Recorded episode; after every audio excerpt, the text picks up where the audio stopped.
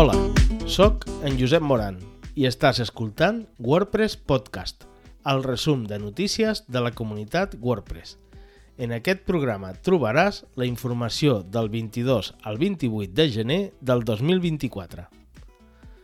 En aquest moment, tothom depèn de meetup.com com a plataforma pels esdeveniments de la comunitat WordPress de tipus Meetup. Però el cost per a la comunitat és de més de 200.000 dòlars anuals per mantenir aquest servei, la qual cosa resulta extremadament cara per al que ofereix.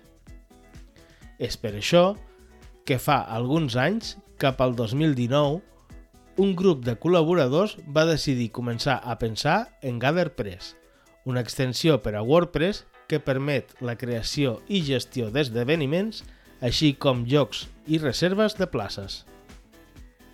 L'extensió ja es troba en una fase funcional i actualment hi ha una proposta per posar en marxa un projecte pilot en què diferents comunitats locals en facin ús per millorar-ho i començar a plantejar-ho com una gran plataforma que unifiqui tots els usuaris directament des de wordpress.org. Avantatges i inconvenients. D'una banda, les dades estaran en mans de la comunitat i no d'empreses privades – la millora de l'eina dependrà de la comunitat i no d'externs. I el projecte serà de codi obert, el que permetrà que arribin millores i revisions de tot arreu. Tot i això, d'altra banda, serà gairebé com començar de zero, ja que tot dependrà que sigui la mateixa comunitat qui doni a conèixer els esdeveniments. A més, el cost actual de Meetup.com es podrà revertir en els esdeveniments i no en una empresa externa a WordPress. Ja ha passat mig any des del Community Summit i basant-se en tots els comentaris que es van rebre a les diferents reunions, s'ha presentat una llista de recomanacions per millorar el Five for the Future, el projecte dins de WordPress que vol que les empreses es comprometin amb WordPress d'alguna manera. Entre les propostes hi ha la de millorar les eines d'arribada de nous contribuents, a més d'una millor comunicació entre aquells que decideixen involucrar-se en algun equip. Un altre element per facilitar és la manera com les empreses que porten un patrocini ho fan per tasques o projectes o fins i tot patrocinar persones concretes per un temps concret, per exemple, durant el llançament d'una nova versió de WordPress. I ja tenim una futura versió de WordPress entre mans, WordPress 6.4.3 candidata 1, que corregeix 5 elements del nucli i 16 de l'editor. La versió final està prevista per al dimarts 30 de gener l'equip de Core ha anunciat que una de les grans novetats de WordPress 6.5 serà el sistema de revisions, principalment pel canvi de l'abans i el després que suposarà. Les proves ja es poden veure a WordPress 6.4.2 amb Gutenberg 17.5.1.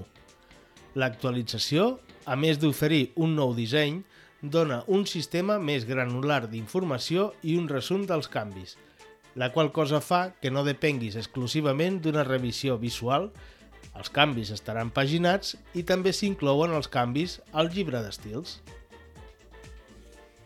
Al bloc de desenvolupadors s'ha publicat una entrada en què s'explica com millorar les plantilles relacionades amb els annexos. Per norma general, aquestes pàgines mostren una imatge o un vídeo amb els elements per defecte, en els quals hi ha poc a dir, L'entrada planteja, per exemple, millorar la mida de la imatge i incloure les dades EXIF de la fotografia, alguna cosa que al lloc on probablement es mostren no es trobarien. L'equip de temes ha rebut una sol·licitud de grans autors de temes que permeti la possibilitat d'enviar a revisió més d'un tema a la vegada. Entre algunes de les opinions hi ha que aquells autors que solen enviar temes que requereixen poca o nula revisió bàsicament perquè ho fan bé, tinguin permès aquesta possibilitat. Tot i això, tampoc es permetria que un autor enviï un centenar de temes, sinó que es podria limitar a tenir dos o tres temes pendents com a màxim. En qualsevol cas, per ara, s'ha deixat en mans dels representants de l'equip la decisió d'aquest canvi.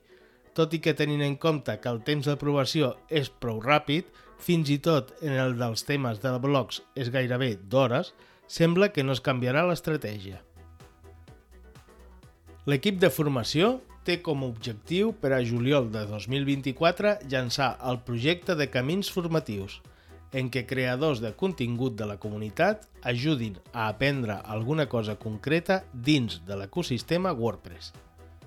Però sembla que la manca de col·laboradors aquest, aquest projecte s'endarrerirà, obligant a prioritzar la proposta fent focus en identificar els mínims elements necessaris per començar i posteriorment ampliar-los. També es posarà en marxa una proposta de millora d'arribada a nous contribuents l'equip de comunitat ha organitzat una presentació en línia per al 8 de febrer en què presentarà alguns trucs relacionats amb els pressupostos per a un esdeveniment WordPress. Quants de diners necessito?